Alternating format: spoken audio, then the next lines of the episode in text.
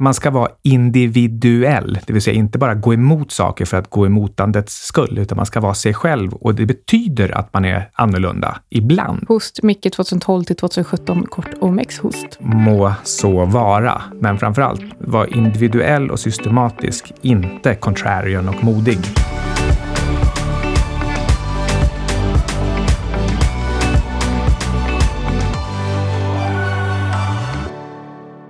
Hej Micke. Hej Anna. Vi tänkte prata lite om att vara contrarian eller inte. Men innan vi gör det så undrar jag vad du har gjort idag. Jag har kollat en film och så har jag läst en eh, riktigt usel bok. Det var en usel film också för övrigt. du läste faktiskt eh, högt ur, eh, ur den här sci-fi-romanen för mig och jag, jag låg bredvid i sängen och vred mig av skratt. Boken heter Dark Matter och jag hade fått den ganska högt rekommenderad, så den hade funnits på min lista ganska ganska länge och nu till slut så tyckte jag att äh, men jag bara tar den här, en riktig hardcore sci-fi. Det blir kul. Och den var, jag vet inte riktigt vad, hur, man ska, hur man ska beskriva hur, dålig, hur dåligt skriven den var. Det är som att någon har tagit på sig, det är någon som inte har, någonsin kan ha läst en sci-fi-bok alltså någonsin som har skrivit den här boken. För han har tagit på sig mänskliga glasögon och så har han bara skrivit det så här, som om allting är från människans perspektiv även för de här aliensen som är med i boken. Kan du, kan du förklara lite vad som händer? Alltså några exempel är, är vad heter de här aliensissarna? Jo, de har helt vanliga mänskliga för och efternamn. Möjligen lite knasiga, så att istället för att heta Petra så heter man Petrana. Eller Hirilda. Mm. Eller möjligen eh, suka eller något liknande. Det vill säga, du, du tar ett manligt eller kvinnligt jordiskt förnamn och så lägger du bara på en extra stavelse eller två. Eh, och så har du ett förnamn och ett efternamn. Och sen en tolvställig sifferföljd. 76321900721. Just det, och det här var ju också jätteroligt för att den första, eh, det första namnet du läste upp för mig, det lät ju som en eh, tysk, ja, en, en tysk med ett serienummer. Ungefär så var namnet. Det var typ Franz Schnitzel 4897569. Och det, det var liksom dåligt nog första gången, men sen när det kom ytterligare en och en till och en till som, som hette liknande saker så började man fundera över. Det här var dessutom riktigt gamla civilisationer som hade funnits i miljarder år. Så om de skulle ha utvecklats och hittat någon typ av effektivt namnsystem så hade det kanske inte blivit jordiska för och efternamn följt av no några miljarder. Men du tycker att Carl Mikael är ett effektivt förnamn? Vi har inte funnits i flera miljarder år. Du har nästan funnits flera miljarder år. Hur som helst, läste den här riktigt dåliga boken. Det slutade med att jag skummade igenom hela boken på, på någon timme och läste valda delar högt för Anna, så det låg vi och skrattade åt. Sen följde vi upp det med att se Marvels absolut sämsta film, Ant-Man. Ja, men vi gjorde en annan sak också. Vi kollade på tigerdokumentärer. Mm. Eh, och det här för mig in på um, det här vi pratade om häromdagen och också nu. Om pensionärer har mycket eller lite tid. Ja, och, och, och vad säger schablonen? Schablonen. Alltså schablonen säger att, att när pensionärer ska göra en enda sak, gå till tandläkaren eller gå och handla eller gå ut med hunden en gång, då fylls hela dagen upp och därmed så har de inte tid att göra någonting annat. Eh, eller det är den schablonen du säger. Ja, nej men jag, jag är uppvuxen med att man brukar säga att pensionärer har så lite tid. Och eh, mina mor och farföräldrar brukar säga att när jag gick i pension så försvann all min tid. Och, eh, och det här är verkligen någonting som, eh, som för mig har varit eh, varit det traditionella, att, eh, att man vet att pensionärer har mindre tid. Och så skulle jag säga det här till Micke och då tittar han på mig lite som om jag vore, eh, jag vet inte. Ja, som att du i alla fall inte hade alla hästar hemma. Och det är för att vad jag alltid har hört, det är att när man slutar jobba, då får man ioner av tid som man inte lyckas fylla med någonting och därmed får man riktigt, riktigt tråkigt. Och någonstans i det här så, så bara går man ner i dvala och i princip dör av tristess. Ja, jag tror att det kanske också beror på vad man är för typ av person. Det finns nog båda delarna. Men eh, du då? Med tanke på att du gick i pension och eh, nu kan läsa dåliga sci-fi-romaner högt för mig, kolla på tigerdokumentärer och Marvels sämsta film. Känner du att du fyller dagarna med värde? Dels så fyller jag dem med såna här saker, men jag har även tid över för ett tjugotal olika investeringar som jag följer upp, plus den här podcasten, plus en annan hemlig podcast, plus min blogg, plus att jag håller på att skriva på två böcker. Så eh, jag har minst dubblat min aktivitetsnivå efter att jag slutade jobba. Och om någonting, när jag säger till folk att jag inte har tid att hänga med dem, så är det ju ett, för att jag inte har lust egentligen. Och två, jag har ju faktiskt inte tid för att jag har så himla mycket andra intressantare saker på gång. Mm -hmm. Okej, okay, men vi ska prata om att vara contrarian idag. Vad betyder det egentligen? Är det jag som ska svara på det? Ja, men gör det. Mm. Det är när man helt enkelt är motvalls. Och det är bara alltså, som en princip princip att vara tvärt emot någonting annat. Och generellt då att vara tvärt emot den, eh, den gängse uppfattningen. Då är man contrarian. You gotta be on the other side or you don't feel like the smartest guy in the room. All you are, my dear, is a contrarian. Och eh, vi ska prata lite, lite längre in om, att, eh, om det här talesättet att man ska, vara, man ska köpa när andra är rädda och man ska, vara, eh, och man ska sälja när andra är giriga. Men eh, innan, vi pratar, innan vi pratar om det så tänkte jag att vi skulle diskutera lite att, att man faktiskt inte ska vara contrarian för sakens skull. För att man kan inte bara avfärda en idé. Och eh, Micke, du har ju en, eh, du har en ganska intressant story som många känner till. Det låg ju kort OMX mellan 2012 och eh, 2017. Och så här med facit i hand när du faktiskt förlorade mycket pengar och hade fel.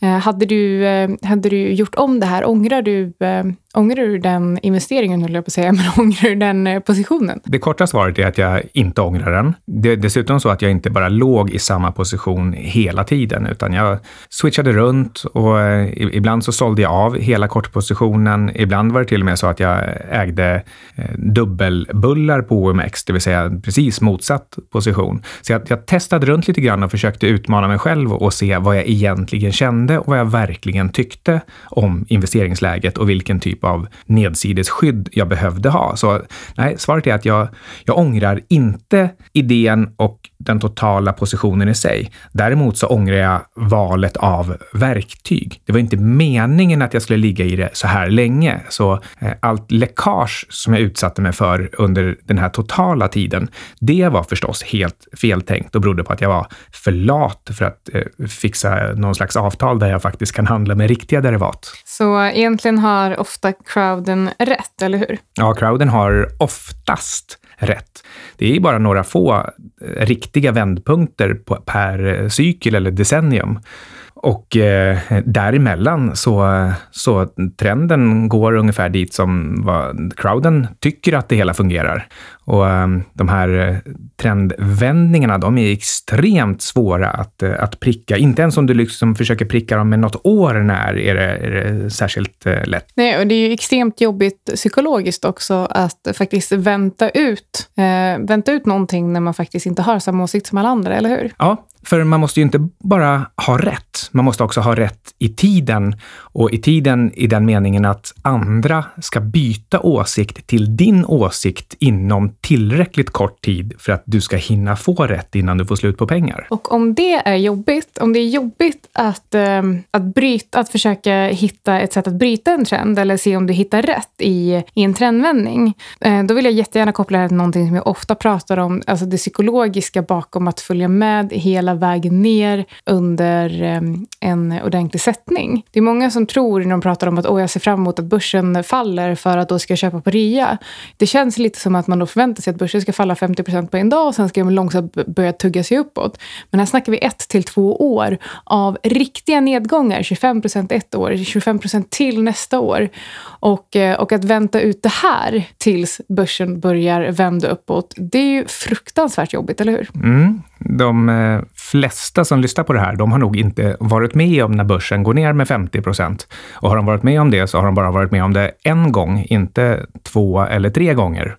Och eh, då är, det, då är det svårt att verkligen föreställa sig smärtan när man dag efter dag efter dag ser hur man förlorar pengar och det känns som att man är den dummaste personen i världen. Precis. Och eh, det här talesättet då, köp när andra är rädda och sälj när andra är giriga. Hur ska man egentligen tackla det här? För det är jättesvårt. Det går ju liksom inte riktigt pricka bottnar och eh, toppar. Det låter som ett jättebra tips. Det är precis som när man säger att om du är contrary contrarian och pricka rätt, ja, då kan du tjäna riktigt mycket pengar. Det är precis som att säga att välj bara de bästa aktierna. Ja. E- Eller eh, om du ska få en annorlunda avkastning än börsen, till exempel en mycket bättre avkastning, ja, då måste du också göra annorlunda, gärna mycket annorlunda än vad alla andra gör. Men risken med det, det är förstås att du gör, gör tvärtom, så att du får en mycket sämre avkastning. Men hur som helst, det här med, ja, du ska köpa när, när andra är rädda, men hur, hur vet du det och hur rädda ska de vara? Så grejen här är att du ska egentligen ha din egen strategi. Du ska ha en, en, eh, en egen idé om vad du vill göra och varför. Du ska följa upp den och se om den fungerar och finjustera den hela tiden. Och om det sen innebär att du ibland råkar ha kassa över, när du också ser att nu har det ju verkligen, alltså, nu är folk riktigt rädda. Det har gått ner med 50 procent och tidningarna skriker sälj allt. Det, det, blir aldrig mer aktietider igen.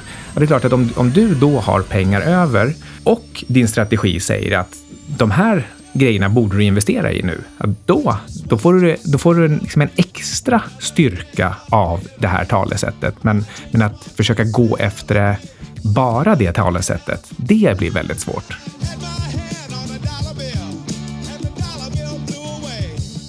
Det finns ju ett, eh, ett annat talesätt som eh, lyder köp när det flyter blod på gatorna. Det finns faktiskt någon eh, typ av verklig, verklig tanke bakom, eller hur? Ja, men jag, jag tror att det var de här Rothschild, säkert någon gång 1700-1800-tal och, och i samband med krig, inbördeskrig, invasioner. Alltså när det verkligen på riktigt flyter blod på gatorna för att det är totalt krig. Om du då har pengar över och kan snappa upp aktier och möjligen också få behålla dem utan att eh, det blir någon typ av statlig expropriering eller någon främmande makt tar dem ifrån dig. Ja, då kommer du komma in på väldigt låga priser. Men man ska också veta att när det ser ut så här, då är liksom ingen sugen på att köpa. Jag kom på att jag ville flika in en sak eh, angående att vara contrarian. Min tillgångsallokeringsmodell där jag eh, köper bland annat eh, softs och ädelmetaller utöver aktier och har, en, har olika fördelning beroende på var i en cykel man är som är baserad på en if-else-strategi. Den är ju egentligen ganska contrarian och det jag vill koppla det till var att när ska man egentligen då börja köpa när börsen har gått ner? Man kan titta på, man kan titta historiskt hur länge och hur mycket börsen har fallit och göra en sannolikhetsbedömning. Att hur mycket nedsida tror vi att det finns kvar? Eh, för att, säg att, säg att börsen har fallit 20 procent eller 25 då är sannolikhet, och kanske bara under några månader, då är sannolikheten ganska stor att den ska ner en bra bit till, eller hur? I din modell så har du en ganska bra rytm där eh, du anpassar vikterna efter hur länge det har gått ner och hur mycket det har gått ner, hur snabbt det har gått ner. Eh, och det tycker jag är riktigt spännande. Den, den här bör man googla fram och, och se vad du faktiskt har skrivit i, i din modell. Jag har ju faktiskt inte publicerat den här på bloggen än. Eh, det står jättekort om den i boken, men inte alls, eh, jag har inte alls specificerat så noga. Men det är för att jag, jag vill inte riktigt släppa, släppa den än förrän all backtesting och så är klar. Eh, och det är lite otäckt också att, att ha hittat på en helt egen modell som är så otraditionell. Och framförallt, ja, men det är väl klart att jag kanske, jag kanske är lite rädd för vad folk ska tycka och tänka, för att folk tycker och tänker alltid. Och då just den här modellen, så eftersom att den funkar, så känns det lite skönare för mig att, eh, att få behålla den för mig själv. Det kanske låter lite själviskt. Vad, vad ska man säga? Jag vet inte. Vad heter den här boken som du pratar om? Investeringsguiden som tyvärr inte går att beställa på Adlibris för att den är slut. Det är faktiskt jättehäftigt. Eh, den eh, bokreleasen är vi har inte haft vår bokreleasefest än och eh, boken är slutsåld. Eh, den finns i, fortfarande på Akademibokhandeln och på ICA bland annat. Men den är faktiskt slut online och det känns... Eh... Det här sänds väl på en fredag, så bokreleasen officiellt var igår på torsdag. Exakt. Ska man vara modig på aktiemarknaden?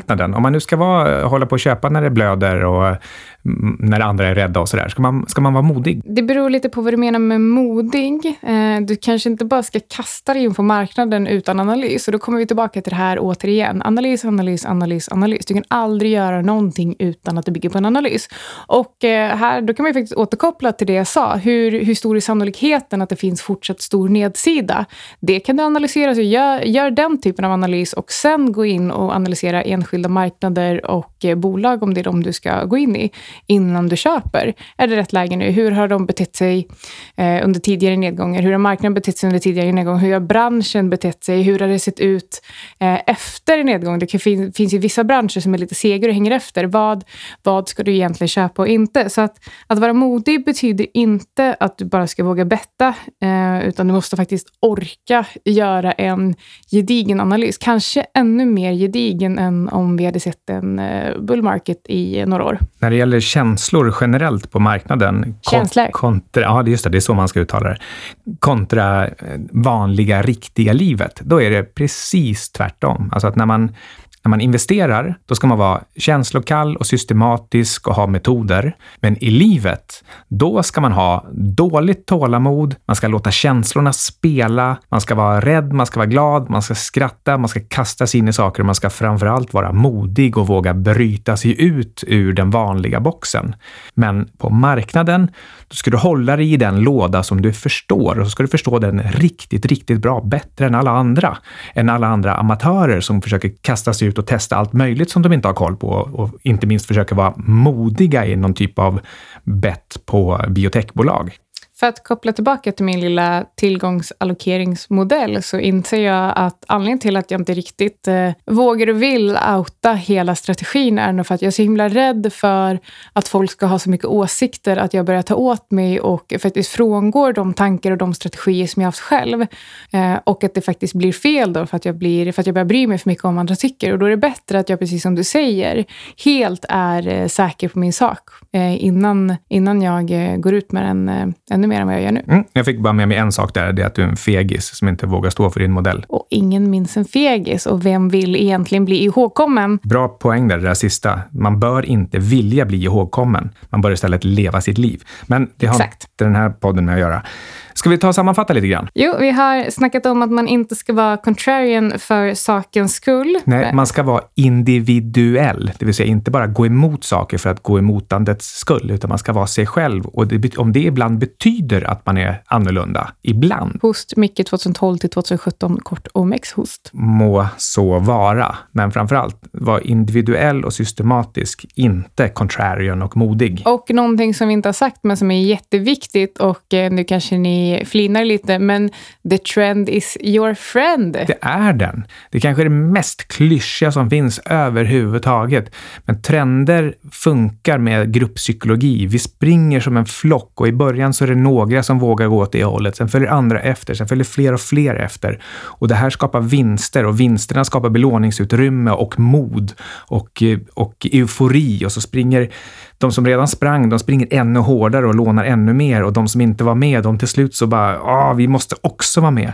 Så här skapas trender både på uppsidan och på nedsidan. Så spring med trenden så länge du bara vågar. Och ha en egen strategi, för har du en egen strategi så gör du egna analyser och baserar inte köp och sälj på vad andra tycker och tänker. Och då har du också stenkoll på vad du gör och varför. Och det är faktiskt det absolut viktigaste när det kommer till investeringar. Just det. Och medan du springer med trenden, då måste du förstås hela tiden tänka individuellt och ha liksom lite utkik efter när trenden faktiskt rent fundamentalt har gått för långt. För då måste du, som en annan klyscha säger, dansa nära dörren. Du tycker inte om att dansa överhuvudtaget. Men... Och eftersom jag sa dörr... Så ska vi också avsluta den här sammanfattningen om att vi sa att mod inte betyder att betta. Men eftersom du sa dörr så kan väl vi tacka för oss och ni har lyssnat på Outsider. Outsider.